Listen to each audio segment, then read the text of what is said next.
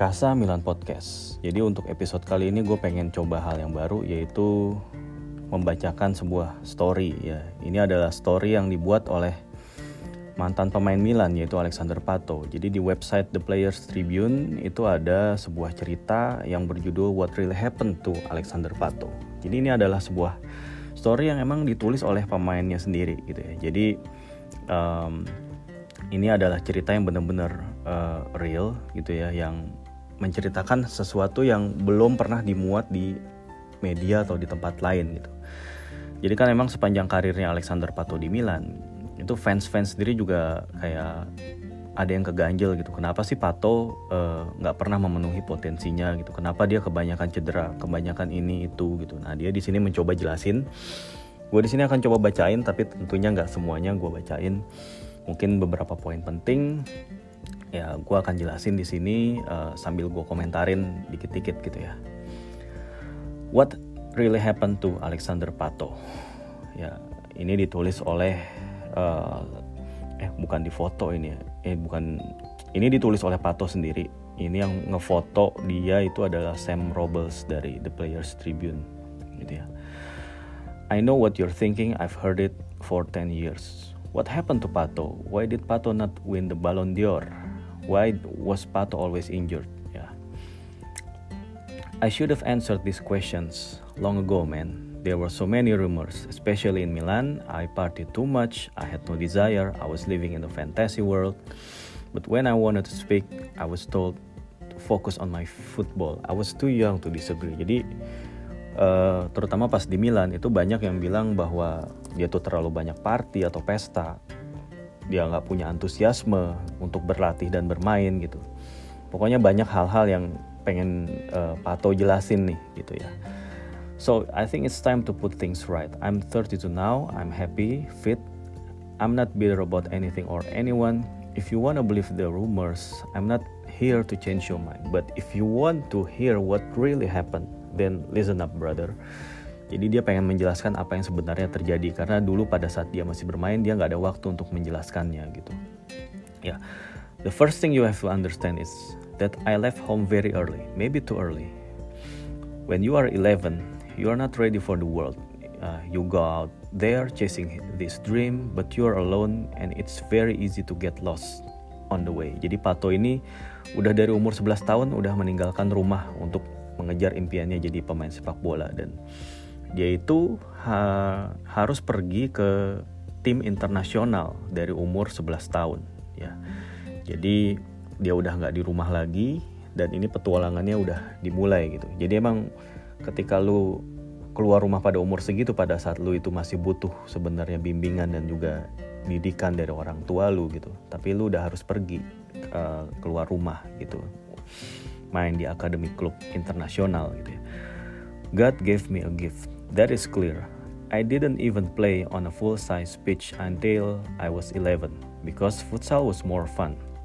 Jadi dia tuh nggak main sepak bola konvensional sampai umur 10 tahun ya karena dia main futsal. Dia masih mendapatkan scholarship atau beasiswa di dalam uh, di sekolah swasta. Terus kemudian suatu saat uh, one day I played in this school tournament and a scout from international asked my dad Sir, have you considered letting your son uh, uh, to try 11 aside? Jadi pas lagi dia main di turnamen, seorang uh, pemandu bakat dari klub internasional FC minta ke bapaknya, boleh nggak ini anak lu apa dicoba aja trial di sini gitu. Terus bapaknya mau ya, singkatnya dia pergi trial di internasional, ya. Terus uh, nih gue gua ini ya gue apa namanya gue coba uh, lewatin beberapa part di sini. Maksudnya ya ini apa namanya gue coba langsung loncat ke apa namanya part yang menurut gue menarik gitu ya. Intinya gitu ya uh, Pato itu pergi ke klub internasional tuh nggak nggak dengan persiapan yang baik gitu ya dia sama bapaknya tuh nggak punya uang untuk nginep di hotel yang proper terus pada saat eh, nyiapin sepatu juga sepatunya nggak bagus dia dipinjemin sama salah satu pemain internasional gitu tapi kemudian dia diterima ternyata di international. Thank God I got accepted, but I swear I wasn't thinking about turning professional. In fact, I felt blessed to be playing at all. Maybe you have read about this story. Jadi dia bersyukur pokoknya diterima di sini dan bermain sebagai pesepak bola profesional.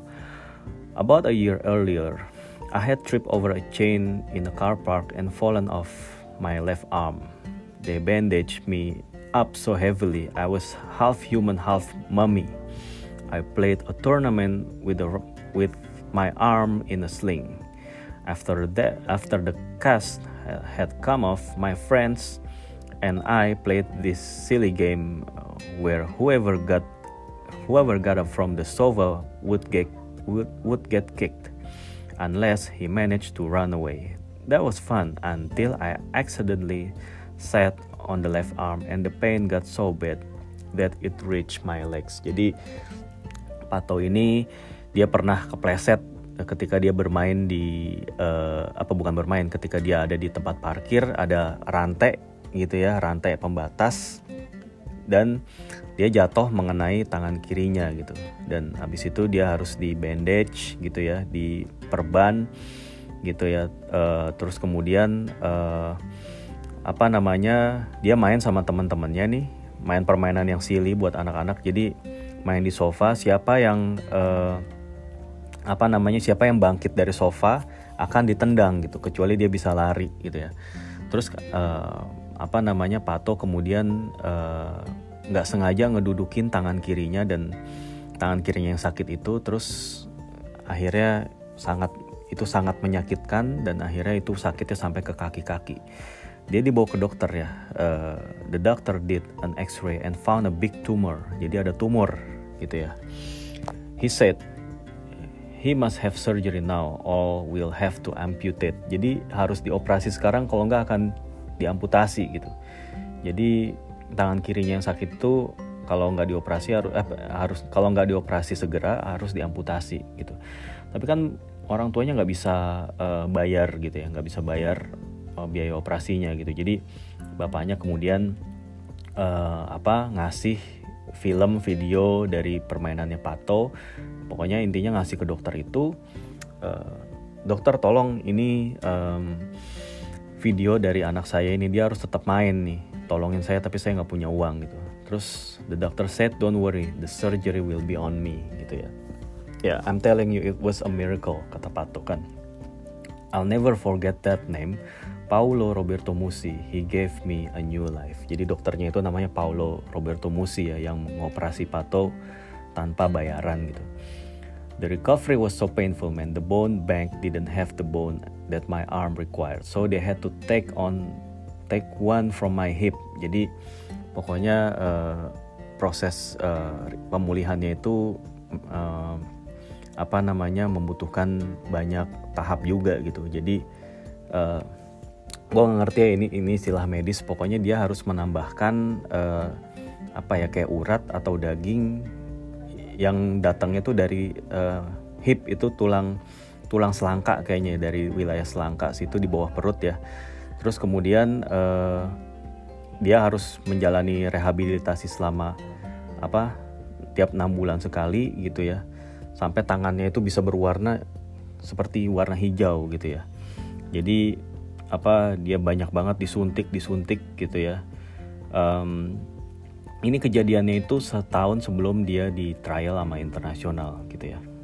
Terus uh, but then let me more pain when I had to leave my parents they couldn't afford to live in Porto Alegre they both said go but I think it was even more even worse for them after I left my mom kept making the kitchen table as if I was going to eat there. She, she tidied my bedroom as if I would come home any minute. Jadi kan Pato itu harus pindah uh, kan internasional itu ada di kota Porto, Porto Alegre sementara Pato itu ada di Pato Branco gitu ya. Berjarak 9 jam driving gitu ya. 9 jam mengemudi gitu. Ini kayak dari sini ke 9 jam tuh dari kalau dari Jakarta itu mungkin udah sampai Solo kali ya atau Jogja malah Solo kayaknya uh, jadi keluarganya itu nggak mampu nggak bisa pindah ke Porto Alegre itu nggak punya duit lah intinya gitu tapi ibunya itu walaupun setelah patonya pergi itu masih tetap ngebikinin uh, apa namanya kadang-kadang ngebikinin makanan gitu. Seolah-olah pato bakal pulang terus ngerapin tempat tidur. Jadi siap-siap kalau misalnya pato tiba-tiba pulang gitu. Jadi mereka sebenarnya ya intinya berat lah ngelepas si pato keluar kota untuk main sepak bola gitu. There were so many lessons they were yet to teach me. Ya banyak pelajaran yang mereka belum sempat ajarkan orang tuanya. Jadi emang Pato ini terlalu cepat keluar dari rumah, belum belum, belum merasakan uh, bimbingan-bimbingan, kasih sayang dari orang tuanya gitu. As a footballer, I was ready for the world. As a person, I was nowhere else. Nah, itu maksudnya. I was definitely not ready for the international international bacanya mungkin gitu ya. International Academy. The youngest ones had to do everything for the older boys wash their underpants, clean their boots, get grips on the petrol station. They had game uh, called Take the Kettle, in which they would call out the kids, grab a piece, piece of wood and smack it on against your leg. Wah itu pokoknya ada inisiasi atau pelonco-peloncoan lah ternyata di klub sepak bola juga gitu ya. I cried a lot. I hid in my room. I couldn't tell my mom because I knew she would turn up next day to take me home. So I just I, I just told her, "Oh, things are great." Jadi ya dia sering Pato itu sering nangis gitu ya, uh, bersembunyi dalam ruangan di kamarnya gitu ya.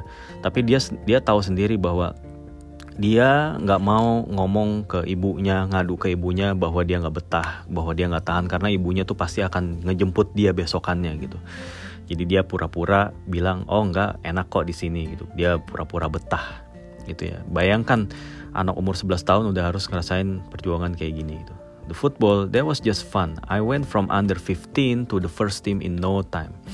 At 17 I was going to the club world cup scoring in the semi-final and playing Barcelona in the final. That that's when I met Ronaldinho. Ya, pokoknya Pato ini dari uh, di Akademi Internasional ini sangat baik prestasinya dan kemudian dengan cepat masuk ke tim inti. Di umur 17 tahun dia udah uh, main di uh, Piala Dunia antar klub, mencetak gol di semifinal dan kemudian uh, bertemu Barcelona di final. Ya, we uh, we need a new word to describe this guy, Ronaldinho, he's magical. He's not a real person. That day, I was not a rival, I was a fan. In the tunnel, I told him, Keep your shirt for me, please. I almost didn't care about the game.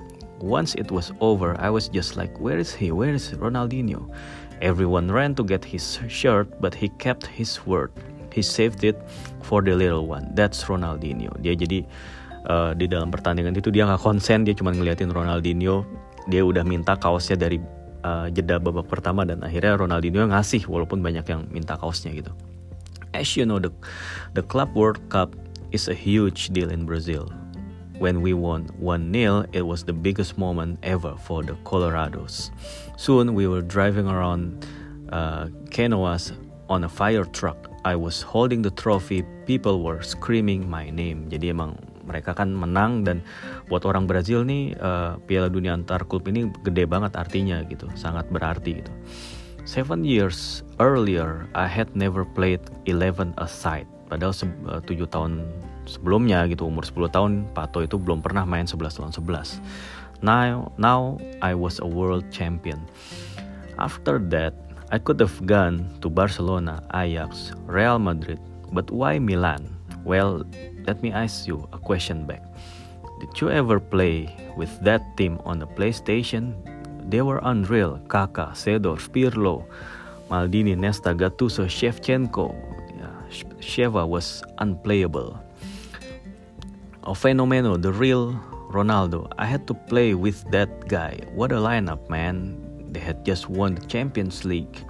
Milan were the team back there. I was like, when's the next flight? Jadi dia pokoknya nggak sabar pengen main di Milan gitu ya, di antara tim-tim peminat lainnya gitu.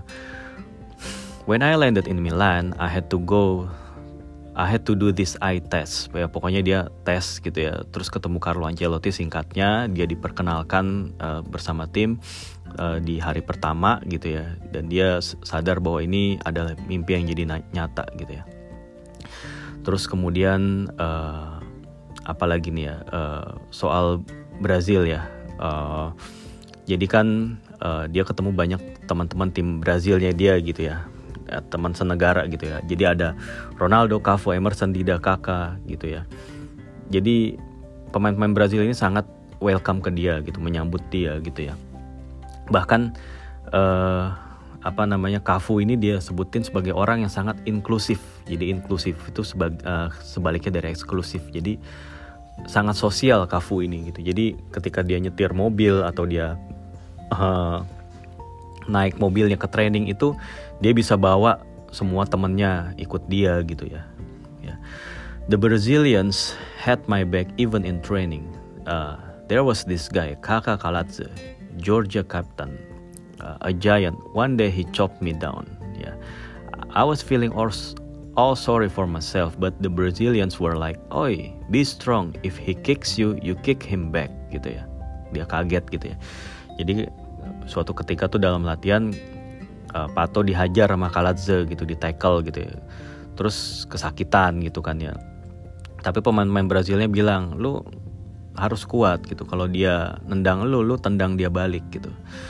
Ya tapi terus dia bilang tenang aja kalau ada apa-apa kita bantuin gitu. Jadi Kaladze tiba-tiba dapat bola gitu ya. Pato loncat ya terus berbenturan Kaladze-nya jatuh gitu. Wah terus kaget ya shit dia bilang what's now? He gets up and come over and I think he's gonna knock me out cold. He but instead he, he stretches out his hand and he put his thumb up. Buono lavoro yeah, he says good job. Jadi ketika Kaladze itu dijatuhin sama Pato dan ya terus uh, Patonya udah ketakutan Kaladze-nya udah uh, bangkit lagi dipikir wah gue bakal ditampol nih. Eh nggak taunya Kaladze-nya malah ngacungin jempol good job gitu ya.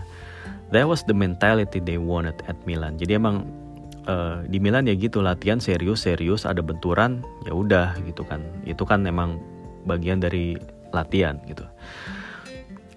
Ancelotti became like a father to me. He even named his dog Pato. You, you saw that picture of him on the bus parade in Madrid with the sunglasses and the cigar. Well, at Milan, he would turn up to the to the training ground in a helicopter.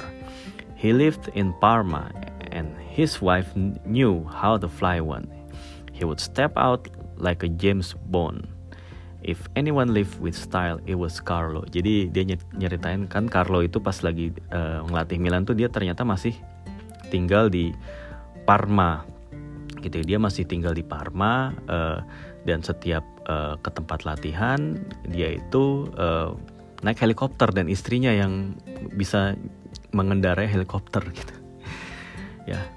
One day in my second season, I arrived to practice free kicks. Who was there to shoot? Ada Pirlo, Sedo, Ronaldinho, Beckham. Ya udahlah nggak jadi. Dia tadinya pengen ngelatih free kicknya, cuman ya ada orang-orang ini gitu. Of course, we all knew who ran the show. One day, Silvio Berlusconi called me over. He was a great boss, always cracking jokes. Jadi Silvio itu emang orangnya suka ngelucu gitu ya. I was actually dating his daughter Barbara ya. Dia mengakui dia mengencani atau macarin Barbara gitu. Anyway, I used to, I used to dribble a lot down the wing. Zoom past everybody. So Silvio said, "Why did why do you dribble out wide?" Ya, jadi kenapa lu ngedribblenya tuh dari samping gitu? He want he wanted me to play in the center. Soon Carlo and Leonardo were telling me the same. That's how I scored that goal at the Camp Nou. I was in the middle. I spotted a huge gap, kicked it, kicked it and ran. When Valdez came out, I was like, "What do I do? Dribble, chip?" I tried to shoot to his left, but the ball went between his leg. Wow, blind luck.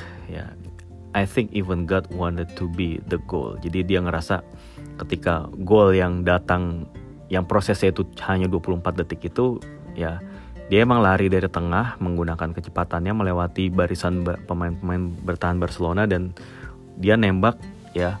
Tadinya pengen ngarahin bola ke kirinya Valdes tapi ternyata bola itu ke kolongnya gitu.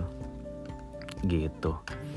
Apa namanya uh, jadi ceritanya gitulah soal golnya gitu deep down I was like is Guardiola watching this I I admired him a lot he said that not even Usain Bolt could could catch that ball. That boy, how cool was that? It was the best goal I ever scored. Even the commentary was so beautiful, gitu ya. People still come up to me and say 24 second, 24 secondi. Jadi ya itu uh, dia ngerasa Pep Guardiola yang waktu itu jadi pelatih Barcelona tuh bahkan uh, notice gitu ya. Dia bilang Pep bilang bahkan Usain Bolt itu sprinter Jamaika itu nggak bakalan bisa ngejar Pato gitu. Wah itu sebuah pujian yang sangat dia ingat-ingat gitu. Ya. Pato will be the best in the world. Pato will win the uh, the Ballon d'Or. I loved that attention. I wanted to be talked about, but you know what happened? Yeah. I began dreaming too much. Even though I was still working hard, my imagination was taking me all kind of places. In my head, I was already holding the Ballon d'Or. You can't help it, man. It's very hard not to get affected. Also, I had suffered like hell to get here, to get there. Why should I not enjoying it? Jadi emang pikiran untuk bisa memenangkan Ballon d'Or itu emang udah menghantui dia gitu dan menurut dia ini wajar ya udah gue emang udah berjuang keras untuk mencapai ke level ini kenapa gue nggak memikirkan itu gitu when I become the golden boy as best young player in Europe in 2009, I didn't I didn't think about Ballon d'Or. I was just having having fun and enjoy the prize. I was unstoppable when I was living in the present, but my head got stuck in the future. Then in 2010, I started to get injured all the time. I, I lost confidence in my body. I get I got scared of what people would say about me. I would go to into the training and thinking I cannot get injured. If I if I did get hurt, I wouldn't tell anyone. I would be recovering from from a muscle problem. Then I twist my ankle and play on.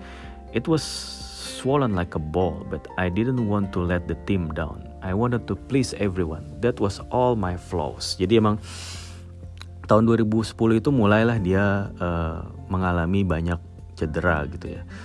Ya dia jadi merasa takut tapi dia tuh nggak mau bilang gitu. Dia nggak mau bilang-bilang bahwa dia itu cedera. Dia pengen tetap main dia nggak pengen bikin timnya itu down gitu. Dia pengen menyenangkan semua orang lah. Itu dia menyadari kesalahan itu pada akhirnya gitu people were expecting me to score 30 goals a season but I couldn't get even on the pitch I could handle that others doubted me but when but uh, when the doubt comes from within that's different jadi ya ya cedera itu lama-lama gak, di, bisa di, gak bisa disembunyikan juga dan Pato mulai harus sering menjalani uh, perawatan gitu ya. I felt so lonely at international. I I had always been overprotected. Everyone did everything for me. I didn't know about injuries or fitness or diets because I didn't have to. All I all I had to do was to play gitu ya. Jadi ini di Milan beda dengan di internasional gitu, di mana dia benar-benar kayak dilindungin banget sama klub gitu. So when I struggled at Milan, I had no idea what to do. Today every player has a team around him, right? Doctor, physio, fitness coach. But back then only Ronaldo had it. Jadi cuman Ronaldo zaman dulu yang dia punya dokter, physio, fitness fitness coach pribadi gitu ya. Uh, I had no relatives near me. My family was still in Brazil. I had an agent, but he didn't take care of everything like agents do now. Sure, Milan had had doctors and stuff, but they had to look after 20 or 30 players. They couldn't be with me all the time. Jadi ya keluarganya di Brazil, dia punya agen tapi agennya itu nggak ngurus yang kayak sekarang dilakukan agen pada umumnya gitu. Dan Milan tuh punya dokter tapi ya mereka nggak bisa mantau pato terus gitu ya. One time I played against Barcelona after seeing a doctor in Atlanta, US, USA. Yeah. I had been on the plane for seven, uh, 10 hours and had one training season and of course I got injury. Nesta was going crazy like he shouldn't have played. Are you all mad gitu ya. Jadi abis dia uh, latihan gitu setelah uh, ketemu dokter di Atlanta, uh, uh, Pato malah cedera gitu ya. Tapi ya Pato tuh maksain ayo coba lagi gitu. Gitu ya. I didn't know how the industry work you know. At international I hadn't even care about my contract negotiation. Just renew it so I can continue to play. The politics the stuff behind the scene I didn't understand it. Football is like a theater when you put on an act to get what you want But I was out there thinking I was it was still just a simple game. Jadi ya masih naif lah Pato ini bilang ya dia cuma peduli sama dia main doang gitu. Padahal ya ada yang namanya kontrak negosiasi dan lain-lain gitu ya. When the press wrote lies about me, I had no PR PR guy. I should have clarified things, but I never understood the importance of communicating well and building relationship. I was told that my only the only results on the pitch matter. This is simply not true. Jadi uh, apa namanya uh, Pato itu nggak pada saat itu nggak ngerti tentang pentingnya komunikasi dan membangun hubungan gitu ya. Jadi uh, dia tuh cuma dibilangin udah yang penting main aja yang penting hasilnya di lapangan tapi itu sebetulnya nggak bener gitu ya jadi pada saat si media itu bilang dia party terlalu banyak harusnya dia ditanggepin gitu dia harusnya menyewa uh, kayak seorang yang menjadi juru bicaranya lah gitu ya terus Pato bilang did I party a lot not not as much as they would have you believe ya emang gue party tapi nggak terlalu banyak nggak sebanyak itu did I lack desire they were saying that because of the way I, I ran. But come on, who really knows that God made me the way I am? I cannot change that. Apakah gue dibilang kurang antusias? Mereka berkata itu karena ngelihat cara gue berlari. Tapi ya udah, emang emang begini gue diciptakan gitu. They wanted me to fly into tackles. They wanted blood, sweat, and tears. Dia pokoknya mau uh, apa pemain ini dia dia tuh maunya pato di tackle, dia mau keringat darah dan air mata gitu ya. They got the tears alright. I I paid a heavy price. Tapi emang dia mereka mendapatkan air mata dan itu adalah sebuah harga yang mahal yang harus gue bayar gitu ya. I should have told everybody the truth. You remember the PSG story? Galliani was in England to go to get Tevez and PSG made me an amazing offer. I wanted to go. Ancelotti was there but Silvio told me to stay. Yeah. I was injured, so the fans were like, "Oh, Pato didn't want to go with Tevez, we'd be champions." That press went crazy too. I was like, "What? I had wanted to go." Jadi ada tawaran dari PSG waktu itu yang gede lah angkanya. Gue lupa angkanya berapa, sekitar 30 atau 40 juta euro gitu. Uh, apa namanya? Pato itu udah mau sebenarnya pengen ke sana gitu. Uh, tapi Silvio itu yang nyuruh dia stay gitu ya. Terus Malah fans ngiranya oh Patonya yang gak mau pergi padahal kalau dengan Carlos Tevez Milan akan juara gitu. Dia akhirnya ngerasa dipojokin gitu ya. I missed out the 2010 World Cup then PSG story came in January 2012. I was hardly playing at all. Mentally I was wrecked. I was a big flop, the kid on the big bucks, the guy even the fans wanted out. Ya pokoknya dia ngerasa secara mental am amat tersiksa gitu tahun 2012 itu. Do you know how hard I tried to come back? I traveled the world, man. I saw every doctor worth seeing. And a few more. A guy in Atlanta made me hang upside down while he spun me around. Diagnosis: My reflexes weren't aligned with my muscle. A doctor in Germany injected a liquid all over my back. The next day, I was walking around in the Munich airport all hunched, hunched over because of the pain. One doctor stuck 20 needles into me every morning and every evening. I could go on forever. Jadi atau ini dia cerita dia udah nyoba untuk berobat ke dokter di mana-mana gitu. Mungkin dia belum belum ke sini aja gitu kali ya, belum ke Indonesia nyoba urut tradisional di sini gitu ya katanya diagnosisnya dokter itu kata dokter yang di Atlanta refleksnya itu udah nggak align atau nggak nyambung gitu dengan muscle jadi apa yang refleks yang Pato inginkan ototnya itu nggak merespon gitu terus jadi jadi disuntik suntik suntik jadi bikin dia sakit gitu ya ya dia akhirnya frustrasi gitu I cried and cried I feared I would never play football again jadi dia takut ini cedera akan mengakhiri karirnya malah gitu That's why that's why I went to Corinthians in January 2013. Yeah. Yes, I wanted to go to to, to the 2014 World Cup, but I also wanted to work with Bruno Mazziotti, Ronaldo's physio. Once I got there, they removed a muscle from my arms to do biopsy. I was lying in bed shaking with pain. After two, 20 days, they found out that some of my muscle had shortened due to injuries. I had more muscle in, the, in front of my legs than in the back.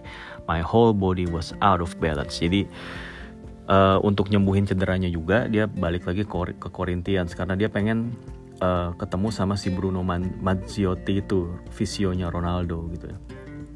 Jadi kemudian uh, di situ dibilang bahwa ototnya dia ini uh, apa jadi pendek jadi apa ya jadi berkurang gitu karena cedera gitu ya uh, volume ototnya gitu ya. Jadi dia punya otot di bagian depan kaki daripada di bagian belakang kakinya gitu. Jadi jadi nggak balance itu yang ini yang bikin injurinya itu nggak sembuh sembuh gitu ya. Tapi kemudian thank God Bruno got me fit again. Since 2013 I've I've only had three muscle injuries I think. Jadi ternyata berhasil gitu ya. It was just pity how things turned out in Corinthians. I arrived uh, there's a, there as a celebrity. When you earn big money in Brazil when the inequality is bad. The, the fans demand a lot. So when I missed that Panenka against Grêmio in the quarterfinal of the Copa do Brasil I got all the blame. Yes it was a terrible penalty but it's not true that my teammates punched me. Nobody did a thing. The fans wanted to kill me though. I was traveling around Sao Paulo with armed bodyguards, and a bulletproof car with the tear gas bombs. The fans who broke into our training ground had bats and knives. It was scary. Things happened that have no place in football. Jadi sebagai pemain yang gajinya gede, ya, ya, di mana ketimpangan itu sangat besar di Brazil gitu. Jadi fans itu demand, jadi fans itu nuntut banget gitu jadi Pato itu miss nggak nggak ngegolin penalti dia nyoba penalti Panenka tapi gagal dan akhirnya Corinthians kalah dia disalahin gitu.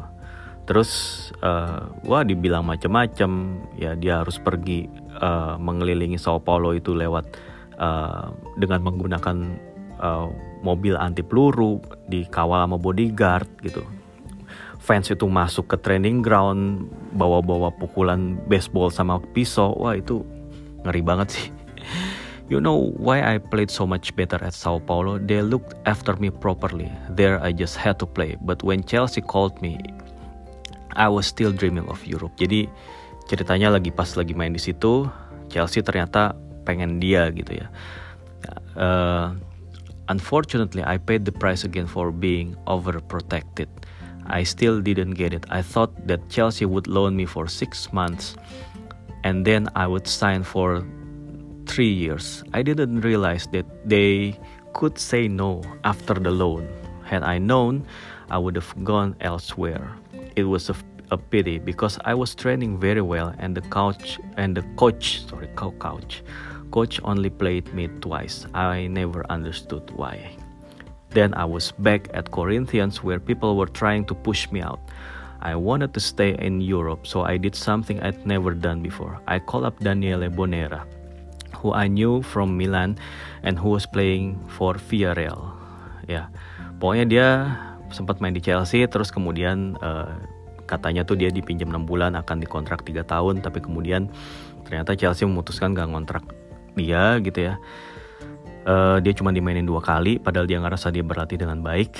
Akhirnya dia balik lagi ke Corinthians dia nelpon uh, Daniel Bonera yang waktu itu main di situ gitu ya dia nanya gitu ya dia bener-bener akhirnya uh, apa namanya I had engineered my own transfer jadi Marcelino Garcia Toral yang waktu itu jadi pelatih Villarreal dia hubungin dan akhirnya Pato bener-bener bisa datang ke Villarreal gitu konteks relationship this was how the game work. Jadi penting uh, bahwa lu harus punya relationship yang baik sama orang-orang ketika ada di industri bola gitu.